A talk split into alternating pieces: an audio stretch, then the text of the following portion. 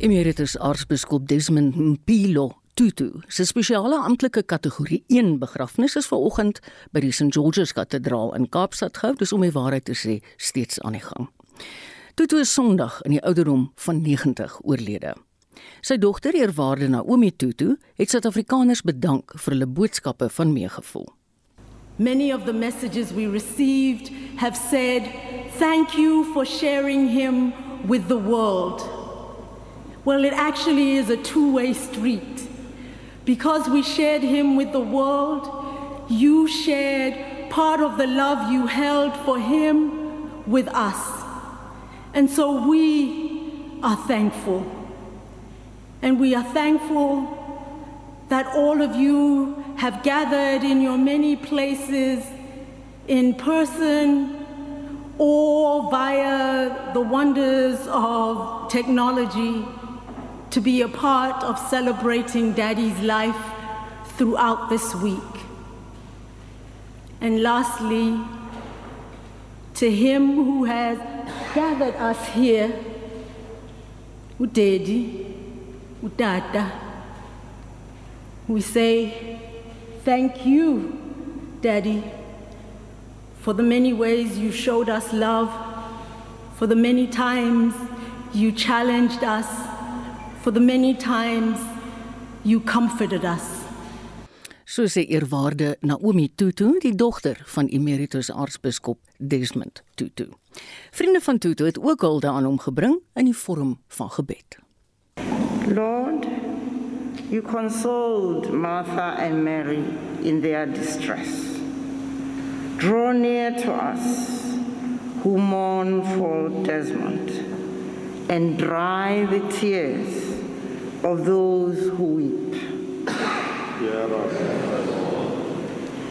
You wept at the grave of Lazarus, your friend. Comfort us in our sorrow. Let our faith be our consolation and eternal life our hope. You raised the dead to life. Give to our brother eternal life. You promised paradise to the thief who repented. Bring our brother to the joys of heaven. Our brother was washed in baptism and anointed with the Holy Spirit. Give him fellowship with all your saints. He was nourished by your words and fed by your sacraments. Grant him a place at the table in your heavenly kingdom.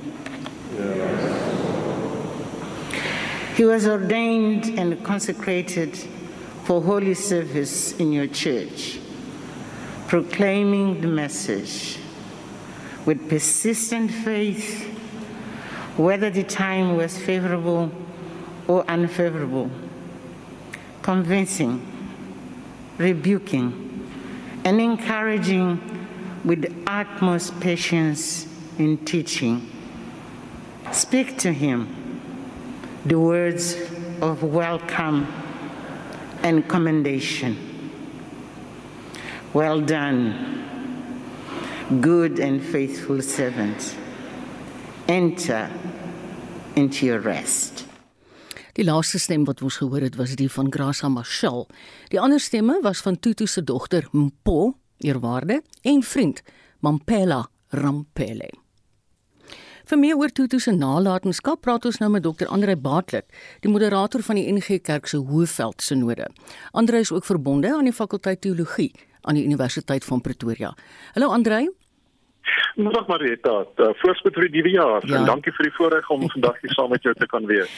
Ja, ek moet sê Andre, ek dink vir ons almal hoop ons tog dat hierdie jaar vir ons groter helderheid gaan bring en gesondheid, né? Nee? Dis reg, dis reg, ja, maar dat ons sal kop hou en ja elke dag doen wat ons kan doen. Wat my eintlik nou baie mooi dat hierdie vriende van hom in gebed vir hom 'n bydrae gelewer het, want dit sê so baie van wie die mens was. As jy hom moes opsom, Desmond Tutu, wat sou jy sê? Sjoe, daar's baie kante aan hom uh, en daar's natuurlik mense wat baie beter meer gesagsvol kan praat as ek, maar die indruk wat ek van hom gehad het was dat hy ten diepste 'n diep diep gelowige mens was en dat sy sy geloof eintlik die die basis is van waaruit sy lewe gespruit het en sy lewenspassies. Um as ek so 'n bietjie na sy sy loopbaan kyk dan wil ek amper sê die openbare beeld wat hy gehad het kan amper in twee fases verdeel word. Uh voor 1990 mm. het was het hy baie sterk die die uh die beeld gehad van 'n vreeslose stryder vir geregtigheid. Uh teen aan die aan die hele anti-apartheid stryd, die die stryd teen die onreg in ons land 'n baie belangrike rol wat hy wat hy daar gespeel het. Uh, uh eers hier in Johannesburg waar hy by die St Mary's Kathedraal was. Uh, daarna as biskop van van Lesotho uh, van 1976 tot 78 en dan 'n baie belangrike fase wat hy die hoofsekretaris van die van die Suid-Afrikaanse Raad van Kerke was mm. van einde van 1978 tot 85 wat sleuteljare belangrike jare was in hierdie hele uh, stryd teen apartheid. Uh, daarna vir 'n kort rukkie biskop van Johannesburg in toe van 1986 af aartsbiskop van van Kaapstad. Mm. Die beeld wat hy gehad het was die van 'n stryder teen teen onreg, 'n stryder vir geregtigheid. Uh, maar dan 'n 'n 'n 'n stryd wat opkom uit sy diepste geloofs-oortuigings dat God 'n God van geregtigheid is en dat Christus 'n uh, 'n uh, God se uh, se uh, dit gegee is deur God om om geregtigheid en liefde op aarde te kom kom vestig. Uh interessant in die, in, die, in, die, in ons eie Afrikaanse gemeenskap uh het in daardie jare dink ek 'n baie negatiewe beeld gehad. Hy's amper uh, veral ook hierdie media en deur politici is hy uh, amper gedemoniseer. Uh, ek onthou ek self dit uh, eerste my eerste indruk van hom was dat hierdie gevaarlike amper demoniese karakter karakter is. Ek het homself in daai tyd die eerste keer persoonlik met hom te doen gehad. Ek was 'n student gewees by die Universiteit van Pretoria en ehm um, dit moes nu rondom 1982 gewees het en hy is genooi om deel te wees van 'n paneelbespreking uh oor wat in die land aan die gang is. Hy was die hoofsekretaris van die Suid-Afrikaanse Raad van Kerke. Mm. En daar en daardie dag het ek hom die eerste keer in persoon gesien en dit is totale uh uh ontnigtering wat mense ervaar om te sê maar die beeld wat jy van hom gehad het klop glad nie met die die persoon nie.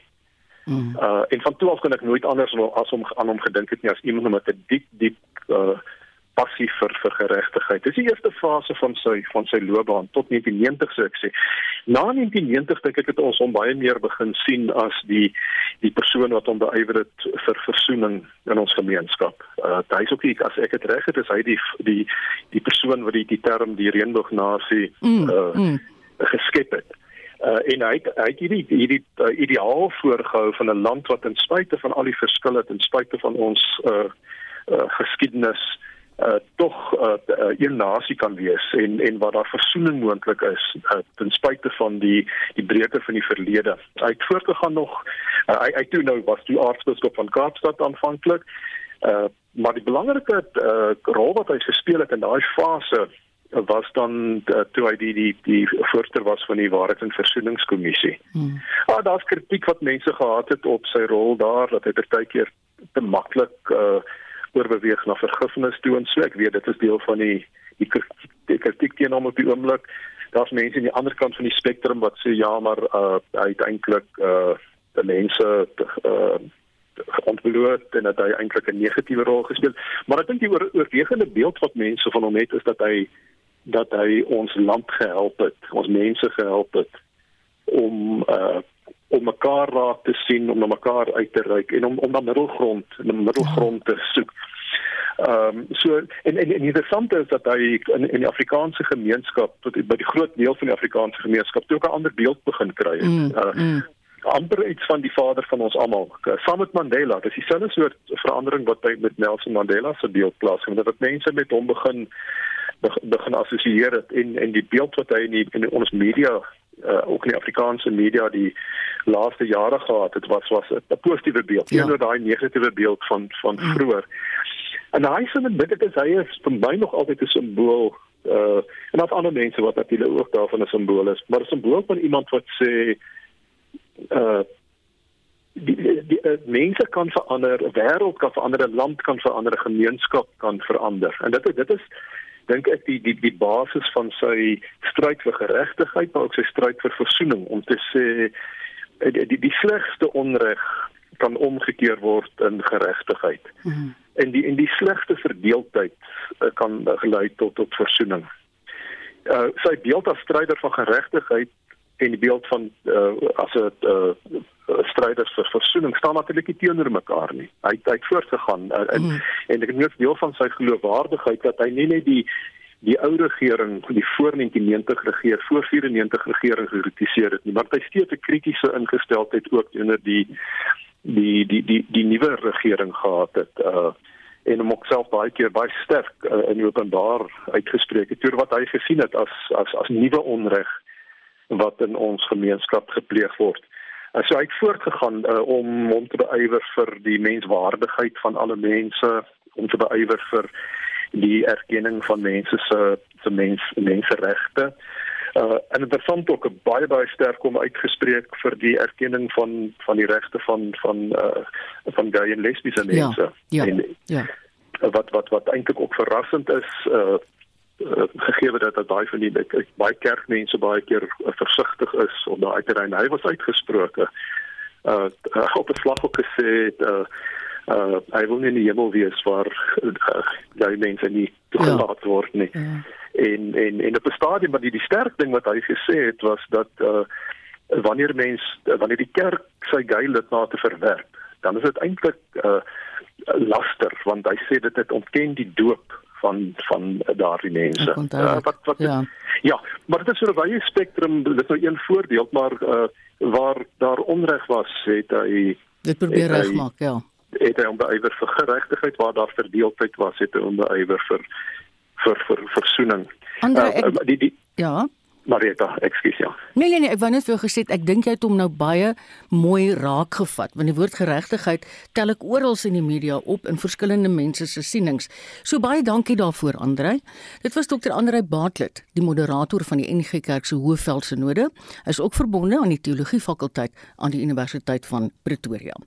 President Cyril Ramaphosa het 'n paar minute gelede die huldeblyk by aartsbiskop Desmond Tutu se begrafnis in Kaapstad gelewer. Hy het Tutu as 'n internasionale ikoon en kampvegter vir vryheid beskryf. He was a man with a faith as deep as it was abiding. For him, opposing injustice, standing up for the oppressed, defying unjust laws was God's work.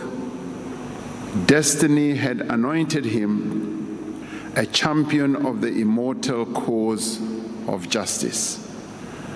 He took to heart and lived the words of the book of Proverbs, chapter 31, verses 8 to 9, which says, Speak out for those who cannot speak, for the rights of all the destitute. Speak out, judge righteously, defend the rights of the poor and the needy he was not content to decry apartheid at conferences or benefit concerts or international forums. He was there with the freedom fighters confronting the apartheid regime and confronting, comforting its victims. He was not content to preach about social justice from the pulpit he was with the homeless, the helpless, the persecuted, the sick, and the destitute in the streets, in the shelters, and in homes. He embraced all who had ever felt the cold wind of exclusion, and they in turn also embraced him. He sought to emulate Jesus Christ who embraced all those whose society looked down upon and rejected. Throughout his life, he became involved in causes both here at home and abroad that went to the very heart of the quest for social justice. President Cyril Ramaphosa wat die huldeblyk gelewer het by Emeritus Aartsbiskop Desmond Tutu se begrafnis by die St George's Kathedraal in Kaapstad. Tutu se oorskot sal veras word en sy as sal in die kathedraal se mausoleum geberg word. Terwyl die land besin oor Emeritus Aartsbiskop Desmond Tutu se bydraes, is sy sienings oor 'n reeks onderwerpe ook in die kollig. Soos dokter Andre Bartlett net nou gesê, daar's vele fasette aan die man. In 2004 tydens 'n toespraak by die Nelson Mandela Stichting het Tutu onder meer swart ekonomiese bemagtiging bevraagteken. Joan Marie Verhoef doen verslag. Tydens sy toespraak in 2004 het Tutu gevra of die voorgestelde basiese inkomste toelaag 'n lewensvatbare pad vorentoe is. Hy het ook streng waarskuwings teen swart ekonomiese bemagtiging uitgereik. What is black empowerment when it seems to benefit not the vast majority, but a small elite that tends to be recycled, only building up much resentment that may rule later? It will not do to say people did not complain when white were enriched. 17 jaar later woed die debat oor die instelling van swart ekonomiese bemagtiging steeds voort, met baie mense wat sê die beleid doen nie wat dit veronderstel is om te doen nie. Die uitvoerende hoof van die Black Business Council is Kanki Matabane. The Black Business Council joins South Africa, Africa at the Well in paying tribute to Archbishop Desmond Tutu. South Africa is poorer with his passing. The codes of good practice were introduced after his comments to ensure that BEE moves from BEE to treble BEE. So the Archbishop's issues were actually addressed when the codes of good practice were introduced. Because it's only through entrepreneurship and creation and support of black businesses that we will be able to create jobs. We're not going to be able to create jobs with the continuous creation of uh, social grants. Die wet op breë swart ekonomiese bemagtiging is in 2003 ingestel. Die wet is in 2012 gewysig en het op die 1 Mei 2015 in werking getree. Die verslag van Amina Akram, ek is Joan Marie Verhoef vir SAK nuus. Kyk, ek hoop dit is op nuwejaarsdag vir jou belangrik nie, maar dit is nou 22 minute oor 12. Die Menseregte Kommissie sê Emeritus Aartsbiskop Desmond Tutu het sy lewe gewy aan die bevordering van menseregte en het beskou as 'n pilaar van die grondwetlike demokrasie in Suid-Afrika. Vir meer oor Tutu se werk in die verband, praat ons met 'n kommissaris van die Suid-Afrikaanse Menseregte Kommissie, Andrei Gam. Hallo Andrei. Uh goeiedag, Rita. In my vorige gesprek met Dr. Andre Bartlett het hy spesifiek verwys na die LGBTQ gemeenskap waarvoor Desmond Tutu baie hard geveg het. Dink jy hy het baie belangrike werk in die verband gedoen? Ja nee, absoluut. Uh, sy ondubbelsinnige bepleiting van gay-regte is legendaries. Hy het in 'n stadium gesê dat hy hom skaam om 'n Anglikaan te wees omdat die Anglikaanse kerk water getrap het oor gay-regte in die kerk en hy het uh, net sulke skerp kritiek gehad oor die kerk en samelewing se houding teenoor gay mense as teen apartheid omdat dit die menslikheid van mense aangetast het. En ek dink uh, ja, sy groot bydrae was natuurlik gewees uh dat hy absoluut onverskrokke was in speaking truth to power en het voor die demokrasie nie aangebreek het nie in tydens die apartheid jare waar hy apartheid openlik uitgedaag het nie, maar ook na die demokrasie uh oor 'n verskeidenheid van sake uh van landsbelang was hy uh nooit bang om homself uit te spreek. Dit is my baie interessant die president het begin met sy toespraak in sy huldeblyk deur te sê hy onthou hom as 'n nederige maar tog 'n brawe mens en hy het verduidelik Mpilo sy tweede naam beteken lewe en dis my goed dat hy dit verklaar het want hy het gesê hy het altyd vir ander mense se lewens opgekom. Jy het nou verwys na die gay regte en onthou jy hy het ruk terug ook ek wil amper sê vir oud president Thabo Mbeki 'n bietjie kapittel oor sy ontkenning van HIV vigs. En hy het uit sterk gevoel daaroor dat 'n mens 'n oplossing daarvoor moet kry. Absoluut ja, hy het armoede en HIV vigs as Suid-Afrika se grootste probleme in 'n stadium uitgewys. Mm. Uh la, later natuurlik het korrupsie in die regering bygekom en hy het in 2014 verklaar dat hy selfs nie weer vir die ANC wil stem nie. Uh al was dit 'n swaar besluit vir hom mm. om te neem uh, rondom van hierdie sake uh oor armoede, hy gesê dis 'n tydbom. Die misdaad in Suid-Afrika het ook met armoede natuurlik te, te doen. Die verskriklike armoede in die land hou die gevaar van onstabiliteit in, het hy gesê en uh wat die vigs betref uh is dit ook iets wat hy beskou het as iets wat mense ontmenslik en die destydse weiering soos jy nou verwys het van uh president Thabo Mbeki om 'n nodige middelstaat en vryheid mm. beskikbaar te stel het om diep gegrief en hy het daar 'n sterk daaroor uitgespreek. Ja, hy het hom gegryp ook oor die beetoplossing. Ja, nee, absoluut. uh ja, ek dink uh, een van die uh, goeie beskrywings ook wat president Ramaphosa nou tydens die begrafnis gegee het is toe hy eh, na uh, Tutu inderdaad verwys het as 'n kruisvaarder ja. syde ja. vir vryheid, demokrasie en geregtigheid en ek dink dit is presies hoe ons almal hom uh, sal onthou. Uh, ek het die eerste keer met hom te doen gehad toe ek 'n uh, lid van die SS van Stellenbosch was uh, waar ek hom genooi het om deel te neem aan 'n gesprek met mense soos Beyers Nobie, Johan Heinz, Karel Boshoff en uh sommige mense sal byvoorbeeld weier om so 'n gesprek by te woon omdat sommige ander daar teenwoordig is, mm, maar mm. dit was totaal nooit nie. Hy was bereid om ehm um, saam met ander mense te probeer werk. Hy was bereid ja. om saam met hulle op te tree. Hy maar hy het, hy, hy was onverskrokke daarin om sy standpunt baie duidelik te stel oor sake of dit nou presidente kwaad maak of wie ook al die geval mag mm. wees. Mm en en in daardie sin was hy was hy werklik aan die een kant 'n vyand van verdrukking en ongeregtigheid aan die ander kant soos president Ramaphosa hom beskryf het 'n morele kompas mm. uh, vir die nasie uh, maar maar iemand wat altyd vir versoening opgestaan het en wat mense bymekaar wil bring eerder as om hulle uitmekaar uit te jaag uh ook met sy uh die feit dat hy die term reënboognasie gemunt het mm.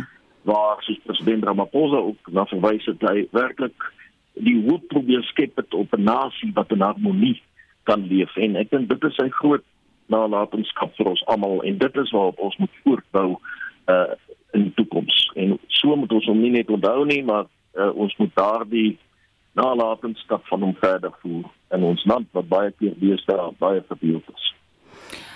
Ek wil jou vra na jy nou by Maties met hom te doen gekry het in jou professionele lewe, het jy redelik dikwels met hom gewerk? Uh, ek het van tyd tot tyd met hom te doen gekry. Ehm um, my pa Fritz Gaul met uh, uh in 'n stadium ja, jare gelede die Andrew Murray Prys ingestel en later het hy daar bygevoeg met tipiese toestemming 'n uh, 'n prys wat genoem wat steeds bestaan en wat genoem word elke jaar toegekend word die Andrew Murray Desmond Tutu prys mm, mm. en by geleentheid het uh uh Aartsbiskop Tutu uh een van die prysuitdelings bygewoon en het ek ook daar weer met hom gedoen kon kry. 'n Absolute merkwaardige man. Andre, dankie dat ons hier op nuwe jaarsdag kon pla. Dit was Andre Gam, 'n kommissaris van die Suid-Afrikaanse Menseregte Kommissie. Ons het net nou gehoor dat hy het op 'n tyd in Johannesburg gebly om die waarheid te sê in Orlando Wes in Soweto. En die gemeenskap daar het Tutu beskryf as 'n vaderfiguur wat regtig wel besorg was oor die mense wat minder bevoordeel is. Weer Joan Marie. Nkele Chaleka was 16 jaar oud toe die Tutus na Orlando Wes getrek het.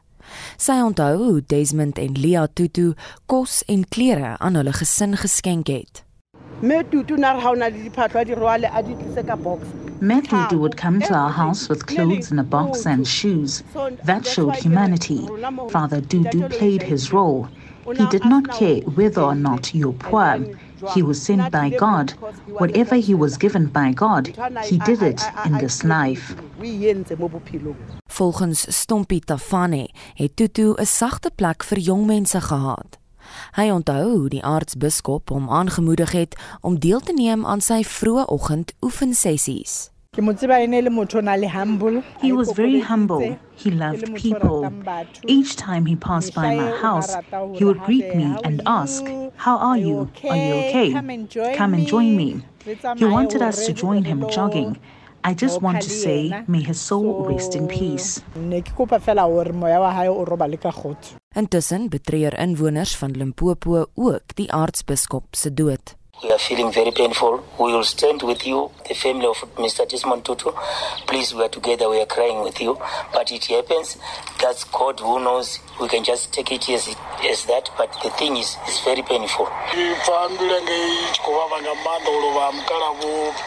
I'm saddened by the death of Bishop Desmond Tutu. He fought for the country against apartheid. He did good things for South Africa. Die verslag van Tsepo Pagane, ek is Jean Marie Verhoef vir SAK nuus. Is ingeskakel op naweek aktueel en dis nou 0.1. Ons gaan nou na iets heeltemal anders toe, naamlik die president se nuwejaarsboodskap. President Cyril Ramaphosa sê Suid-Afrikaners moet in 2022 saamwerk om werksgeleenthede te skep, misdaad en geweld teen vroue en kinders te stuit. Ramaphosa het in sy nuwejaarsboodskap ook hulde gebring aan diegene wat in 2021 dood is. Hy sê byna 18 miljoen landsburgers het hulle self reeds teen COVID-19 ingeënt. I want to call on all South Africans over the age of 12 who have not yet vaccinated to please go and get vaccinated as soon as possible. Vaccination is safe, it is free, and it is the responsible thing to do for yourselves and for those around you. We are grateful to all citizens who expressed their solidarity to other South Africans and have given what they can to help those who've been hardest hit by the pandemic.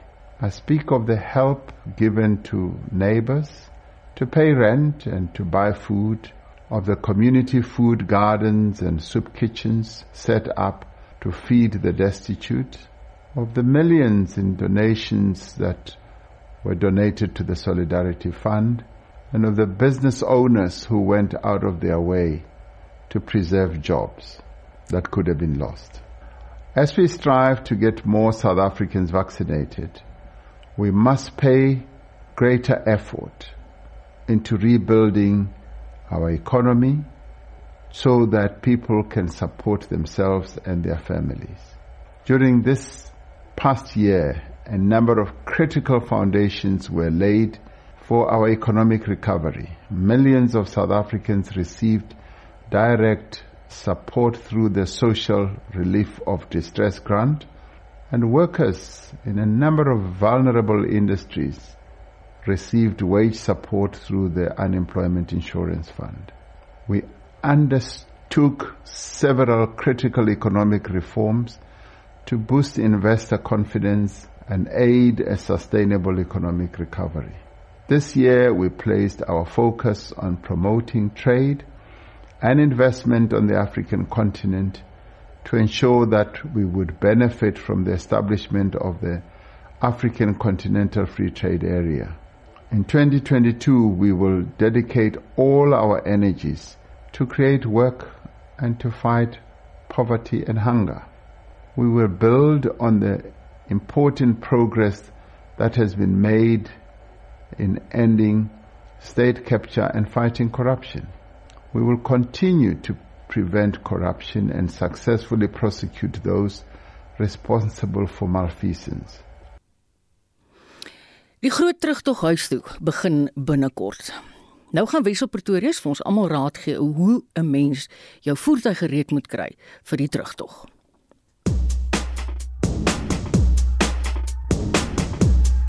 Vakansiegangers gaan weer stadig maar seker begin terugkeer huis toe.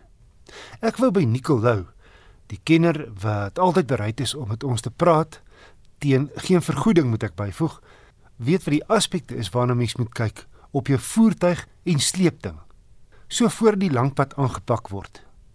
Nicole is 'n tegniese konsultant en die besigheidsontwikkelingsbestuurder by SVU Gepantserde Voertuie. Ja, wissel, ek dink dis die slegste tyd van vakansie is daai oppaktyd. Almal het so uitgesien na die vakansie, maar nou is dit nou so waar, die tyd het gevlieg, is tyd om terug te gaan huis toe. Ja. En uh, ja, kom ons kyk gou dat ons daai terugrit ook dan so veilig as moontlik kan maak. En ehm um, Wat die goed is om na te kyk byvoorbeeld is almal is nou vinnig besig om op te pak. Hulle is besig om my karavane op te slaan. Alles word sommer ingegooi kyk na die gewigsverspreiding. Dis baie belangrik as jy 'n karavaan het dat wanneer jy hom nou weer oppak om huis toe te gaan, dat jou gewigsverspreiding weer reg is. Ons weet dat daai gewig wat op die uh, hak van die voertuig is, moet tussen 25 en 100 kg wees. Maak seker daai is nog reg. Ehm um, jy het natuurlik nou lekker die vakansie rondgery. Kyk maar dat jou banddruk nog steeds reg is. Miskien het jy spyker opgetel daar waar jy rondgery het en jy weet nie dat een van jou bande pap is nie, so definitief banddruk en ehm um, maak maar jou vensters ook skoon. Ehm um, baie keer as die mense 'n bietjie lui om kar te was hier oor die vakansie net lekker stofpad gery, maak maar daai vensters mooi skoon want jy wil jou uitsig moet mooi wees as jy terug huis toe ry. En jy gaan natuurlik nou 'n bietjie brandstof of uh, diesel of petrol ook intap voor jy teruggaan. Kyk dan ook sommer na jou uh, vloeistowwe van die voertuig, die olievlakke, die verkoelingsvlak. Kyk dat daar genoeg um, water is om jou venster mee uh, skoon te maak kyk sommer net dat die algemene toestand van die voertuig goed is, dat daar nie ook krake of so op die ruitte bygekom het nie. En ehm um, kyk ook maar na jou lisensie skuif dat jy weet of jy nog reg is vir die vir die langpad terug vir al daai padblokkades wat miskien vir jou kan voorlê. En uh, ja, ehm um, dis ongelukkig nou tyd om terug te gaan, maar daar's geen rede om te jaag nie. Nou het jy nog minder rede om te jaag as wat jy vakansie gegaan het. So definitief 'n uh, goeie ding is om by die spoedgrens te hou en ry veilig weer huis toe. Nikkel op daai punt, wat is die vernaamste veiligheidskenmerke wat ehm um, jy sou graag sou wou noem aan ons luisteraars om seker te maak almal kom veilig by die huis? Ja, as dit as ek noem van jou voertuig en natuurlik jou ligte en al die goed die padwaardigheidsaspekte van jou voertuig moet definitief reg wees. So moet nou nie ry en vergeet om jou karavaan se se koppelstuk in te sit wat die ligte laat werk nie. Maar as ons kyk na na die ry, dan um, definitief ek dink oorhaastigheid kan 'n groot invloed hê. So hou maar by die spoedgrens, kyk na die lyne op die pad, dis daar vir 'n rede. Moenie probeer verbysteek as dit nie veilig is nie. Um, rus gereeld, trek af, drink maar nog daai koffie en stel daai vakansie nog so bietjie uit en kom veilig by die huis. En die laaste ding is ook natuurlik drink en bestuur is heeltemal uit. So bly nugter en kom veilig by die huis. So antwoord Nicolou, 'n tegniese konsultant en die besigheidsontwikkelingsbestuurder by SVU Gepantserde Voertuie.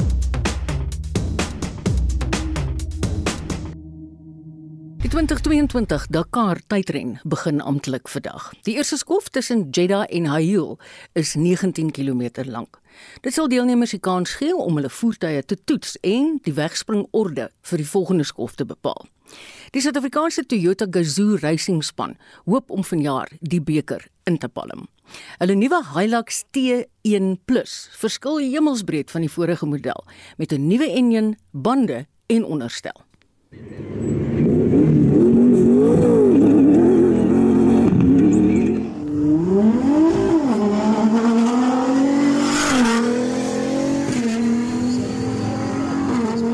Die gebrul van die V8 maak nou plek vir die geskreeu van 'n dubbel turbo aangejaagde V6 wat normaalweg gevind word in die J300 Land Cruiser.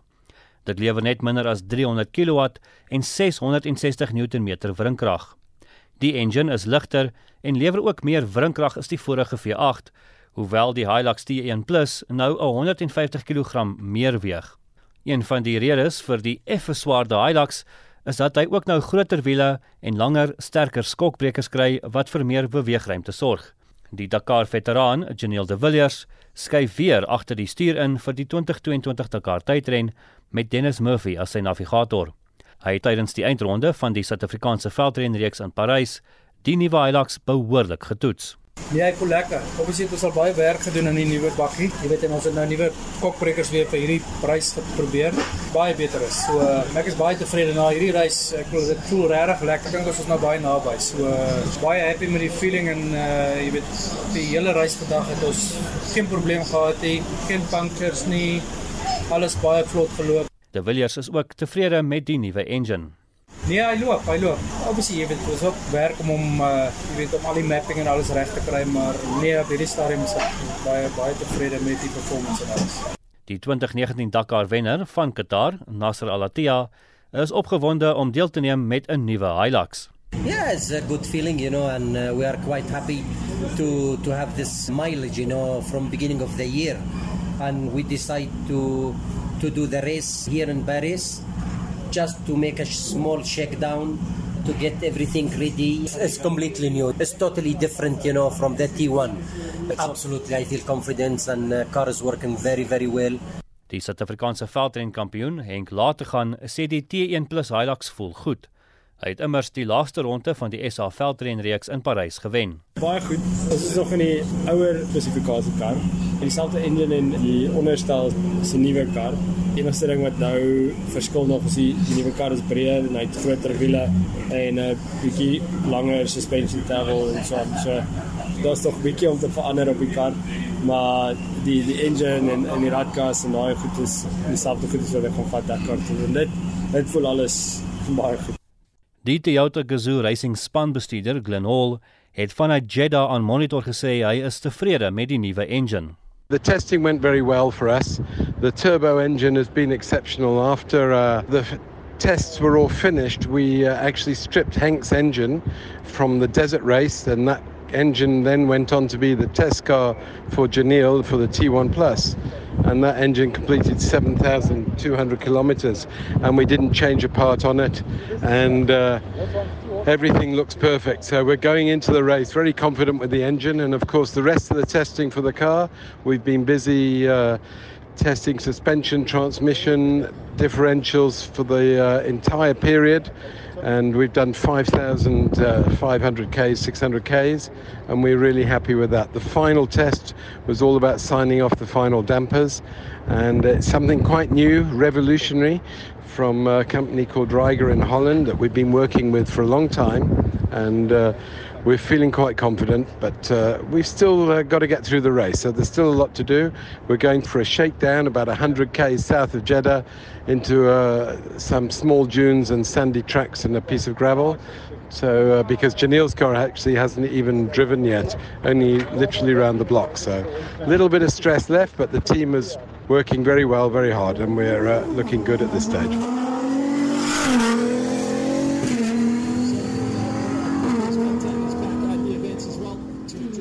Ons hou duim vas vir al die Suid-Afrikaners in die Dakar wedren. Ons het geluister na die klanke van Hilux T1+ se V6 enjin en dit die verslag van Justin Kennedy afgesluit. 2021 was vir Suid-Afrikaanse rugby weer eens 'n suksesvolle jaar. Die impak van die COVID-19 pandemie word nog diep in die sakke, maar ook op logistieke vlak gevoel. Maar die Bokke en die Blitsbokke het wel die jaar afgesluit as die wêreld se topgekeerde spanne. SA Rugby sien uit na 'n nuwe jaar wat moontlik groter kommersiële verhoudings insluit. Oudo Karelse, ons kollega, het met Willem Strauss, die president van die Blue Bull Rugby Unie gepraat oor die jaar wat agter die rug is en die ene wat nou voorlê. Oudo, ja, nee, lekker om altyd met jou te gesels man. Einde van 'n van 'n buitengewone jaar, maar uit 'n suksesvolle jaar vir die Boerekom Bulle. Ja, hy was en en kom ons begin sommer net daar. Uh ons begin op tuisbodem, maar as ek sê tuisbodem bedoel ek loftes. Jy het as president oor 'n relatiewe kort tydperk Willem sukses op die veld teruggebring en ook nie net met die senior professionele span nie, maar basies oral. Dan word nou gepraat van die Bluebell era is terug. Voel voel dit so en en hoe voel dit om deel te wees van die groot opwaartse tendens? ja nee, dankie Uru. Ja, jy weet 3 en 'n half jaar gelede uh, is ons maar deur 'n moeilike tyd gegaan om die mense te sê en uh, maar ek dink 'n klomp dinge wat ons dan reg gedoen het, ons strukture belyn, ek weet die tydsvernote soos meneer Johan Roope en meneer Patrice Motsepe en dit aan boord gekry, jy weet ons ons professionele en in in amateur arms mekaar geskei 'n visie daar gestel waarin al die rolspelers ingekoop het, 'n strategie waarin al die rolspelers ingekoop het en uh, baie holistiese benadering gevolg. Jy weet, eh, dit is vir my een van my bestuur bitter belangrik dat rugby op alle vlakke moet vooruitgaan. Oor of dit nou mini rugby is of skool rugby of klub rugby of vroue rugby en eh, of Jake White se professionele spanne en dit het vrugte afgewerp. So jy weet vir eerste keer in in 12 jaar het die Woudekom Bulle daarom weer die Karibeker gewen en, en sommer die cherry op die koek te plaas sommer twee keer in een jaar. Hooplik gebeur dit nooit weer nie. En dan natuurlik weet met die laaste Karibeker oorwinning uh, in die finaal teen die Sharks was die grootste een in die 130 jaar van die kompetisie se bestaan. So ja, nie al 'n jaar ons is toe nou in die URC in waar dit so bietjie minder goed gaan op hierdie stadium klomp wegwedstryde met nog nie tuis op loftes gespeel nie. Maar uh, weet met ons junior strukture, ons klap rugby was 'n reuse sukses geweest. Die uh, finale selfs op nasionale televisie uitgesaai. Uh, so ek dink die pyplyne en die Pathway soos die Engelsman sou sê is geskep en ek is baie tevrede met die spasie waarin die behoorlik kom hulle tans is. Maar nou moet ek vra, Lee Loftus is nog steeds 'n pragtige ding, maar maar daar is uh, natuurlik bietjie van 'n ironie daaraan geheg dat die sukses wat die bulle nou uh, tans ervaar op 'n tyd kom waar die skare weg moet bly van ons groot stadions weens COVID-19. Ja nee, kyk as ek as ek nie bad luck gehad het, het ek geen luck gehad nie. Kon dit nou nie maar uit die kade teruggekom het nie. Ja nee, dit is so nee, dit is nou maar ongelukkig en die finansiële impak natuurlik van die pandemie op ons industrie is iets verskrikliks nie net op die bulle nie, maar op al die franchises en die smeer so. Dit is maar baie baie uitdagende tye, maar ons oorleef en uh en hierdie sal ook verbygaan Uru dit voel nie altyd so nie maar dit sal hmm. ook verbygaan en en dan moet ons maar net gerad wees en geposisioneer wees om ons toeskouers weer vol te ontvang en en, en sal dit nie wonderlik wees om weer 'n stadion op Loftus te sien met 50000 toeskouers wat reg die wedstryd bywoon Kom ons verskuif nou ons fokus na die bokke en en praat net bietjie met my oor wat jy waarneem as dit kom by die leierskapspan van die bokspan. Rassie as direkteur, Jacques as afrigter en Sia as kaptein. Het jy al in al jou jare wil 'n meer digte span mense gesien of of van gehoor as dit kom by 'n bok rugby span? Ja nee, dit is 'n fantastiese span en jy kan dit selfs verder optrek, weet na Yuri Roo, Mark Alexander ook Ja, nee, dit was uiteraard vir die bokke ook natuurlik 'n geweldige uitdagende jaar, jy weet, die viewborrels al daai maande weg van jou familie en jou kinders. Dit dit is nie maklik nie. Dit is dit is baie uitdagende tye en hulle het jaar afgesluit is nommer 1 in die wêreld. Natuurlik daai uh, oorwinning oor die Britse en die Ierse leeu's vroeër vanjaar, dit was belangrik. Jy kry net een keer in 12 jaar daai geleentheid, daai bragging rights toe in die in die toets rugby kampioenskap die twee toetse teen Australië was miskien nie teleurstellendes maar teen die All Blacks uitstekend gedoen en die tweede een gewen en uh, toe die einde van die jaar toets wat hulle ook einde van die jaar toer wat hulle ook goed gedoen het en ek dink ongelukkig was om teen Engeland te verloor Engeland se nie beter span as die Bokke nie ongelukkig om met 'n punt te verloor het maar uh, Ja, die weet steeds die jaar afgesluit in die nommer 1 posisie en die Blitsbokke ook die jaar afgesluit in die nommer 1 posisie. So 'n uh, skitterende dubbel prestasie vir SA Rugby daar. Die onlangse Britse en Ierse Lions toer wat jy nou van gepraat het, het wel 'n titaniese reaksie ontlok in die rugby wêreld en veral oor die spelstyl van ons bokspan. Is dit enigins in jou mening geregverdig? Ag, jy weet, it's in the eyes of the beholder, nee. uh, ons wil hê die, die bokke moet wen en as as Rassie en Jacques voel dit is die die sterkpunte waarop ons moet speel. Soms voel ou, jy weet, kan hulle dit nie so klein bietjie net afwissel ook nie maar hulle behaal weet sukses met hierdie spelpatroon van hulle en uh, dit is ons sterkpunte jy weet. Die drywe en die skrams en die vaste fasette van die spel ons is groot en sterk. Dit is wat tradisioneel Suid-Afrikaanse rugby se sterkpunte. Maar ja de, ek dink wat uh, uitstekend is van hierdie bokspan is ook jy weet dat spelers so Lukai Am en Makazole Mapimpi en en dis meer Damien Delende het hulle spelers wat dit kan opmix ook en hmm. uh, en wat ook 'n ander dimensie kan bring maar uh, ja ek jy weet ek dink die uitdaging sal natuurlik wees om om die wêreldbeker suksesvol te verdedig in Frankryk in 2 jaar se tyd maar uh, vir nou om jaar op nommer 1 af te gesluit het dink ek Rassie en Jacques en en al die ander leierskap figure sal baie gelukkig wees So dan gaan ek maar nou die kwessie van wêreldspeler van die jaar maar nou los en nie te veel daaroor uitvaar nie want tensy jy iets daaroor wil sê. Ja, dit moet 'n bietjie emosie veroorsaak, jy weet Suid-Afrika wat nommer 1 is en ons het nie eens 'n genomineerde nie. En ek moet sê ag, maar dit is ook maar baie keer weet individuele opinies.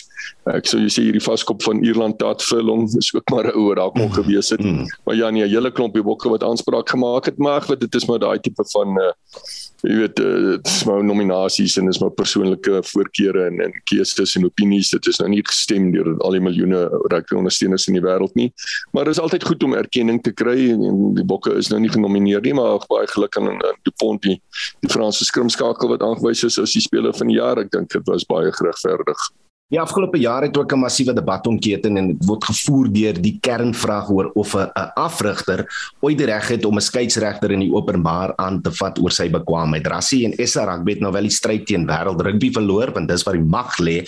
Maar maar gaan die debat ooit tot 'n einde kom of, of sien jy dat ons miskien 'n verskywing gaan maak in rugby na 'n meer deursigtige stelsel? Want kom ons wees eerlik met mekaar Willem, tegnologie gaan nie weg nie. Die blootstelling van skeieregters, juis weens die gebruik van tegnologie, gaan nie weg nie. Ja, Oudo, ek dink uh, ek sê altyd vir ouens is as ons uh, oor 30 jaar as ek nog moet lewe as ons na rugby gaan kyk, gaan twee dinge definitief dramaties verander het. En ek dink hoe gouer dit gebeur, hoe beter. En, nommer 1 is dat die reëls gaan moet simplifiseer. Mm. Jy weet die skeieregters is eintlik maar vir my die simptome, maar daar's so baie in die reëls wat toelaat dat uh, dit op interpretasie neerkom en daar is grys areas, jy weet die reëlboek kom daar van 88 af of so iets, jy weet die die, die woord breakdown en dit is die helfte van die tyd gaan raak nie eers daaroor mm. breakdowns die figureer nie eers in die reëlboek nie. So ek dink ons gaan beweeg na 'n stadium in, in rugby waar die reëls baie meer gesimplifiseer moet word om dit baie meer verstaanbaar te maak, nie net vir ons wat in rugby is nie, maar ek mm. sit altyd en dink vir ouens wat nie weet rugby volg nie, moet die reëls dan verskriklik uh, ingewikkeld wees as jy dit sou vergelyk met 'n sport so sokker en nie meer. Die tweede ding is ek dink ons gaan ook beweeg in 'n era in in in, in rugby en waarskynlik maar in alle sporte waar tegnologie baie meer ingespan gaan word. Mm, ek het nou die dag 'n uh, stuk gelees op 'n uh, op 'n Britse tydskrif dat uh, weet hulle was besig om 'n rugbybal te vervaardig wat as die aangee vorentoe gaan dan gaan daar liggies aan. Hm. So ek ek dink ons gaan ons gaan ook in 20 30 jaar sien dat tegnologie baie meer ingespan word vir marginale besluite soos jy weet 'n bal wat vorentoe aangegee was of 'n onkant lyn en dis meer en dis meer so ek wil my nie uitlaat oor die Marite van rassiese saak nie hmm. maar ek dink definitief is daar baie baie scope om rugby reëls te simplifiseer en om moderne tegnologie nog selfs meer in te span vir alle professionele vlak. Maar soos die Engelsman sê, die stakes baie baie hoog is. Nou jy het vroeër gepraat oor 'n uh, uh, ander verskywing in die in die afgelope jaar. Ons plaaslike spanne sluit nou by spanne in Europa aan om mee te dink. Hoe sou jy die verskywing en die besluit om die skuif te maak beskryf? Ja, ek dink jy weet dit was op die kaarte gewees. Uh, uh, was duidelik gewees dat Super Rugby uh, daar was 'n bietjie interne politiek en en ag alsou daarmee gepaard gaan, maar ek dink jy weet vanuit 'n logistieke oogpunt en uh, tydsones en iets meer het dit sekerlik sin gemaak. Ek dink die uitdaging vir die vier Suid-Afrikaanse franchises op hierdie stadium van die geveg is enerzijds die bokke speel tans steeds in die suidelike halfrond en ons speel in die noordelike halfrond nou wat dit tot gevolg het is dat jy bitter bitter min jou springbokke tot beskikking het wat dit eintlik baie keer dalk moeilik maak om selfs 'n springbok op jou boeke te kan hê. Mm, mm. Ehm mm. uh, die tweede een is dat uh, ons sal moet gaan kyk daarna om die provinsies dalk 'n bietjie meer te beskerm en, en wat ek daarmee bedoel, jy weet, wanneer ons spelers kies vir die mm. springbok span wat byvoorbeeld uncap is, hulle het nog nie vir Suid-Afrika mm. gespeel nie en ons kies hulle vanuit die Europese ligas dan stuur ons baie keer 'n sein uit na ons plaaslike spelers dat jy weet eh, jy kan maar oor see gaan, jy kan daar 'n bok word. Jy hoef nie hier te speel om om 'n springbok te word nie. So daar is 'n bietjie 'n paar uitdagings, maar ek is seker jy weet en ons is besig om daaraan te werk op die hoogste vlakke van rugby. Maar uiteindelik jy weet ek dink uh, ons sal ook nou ons eerste afseisoen eers hê na 18 maande na omtrent 2 jaar wanneer ons in Junie, Julie, Augustus in die breek aangaan. Ons breuke gaan nou ooreenstem met die van die noordelike halfrond.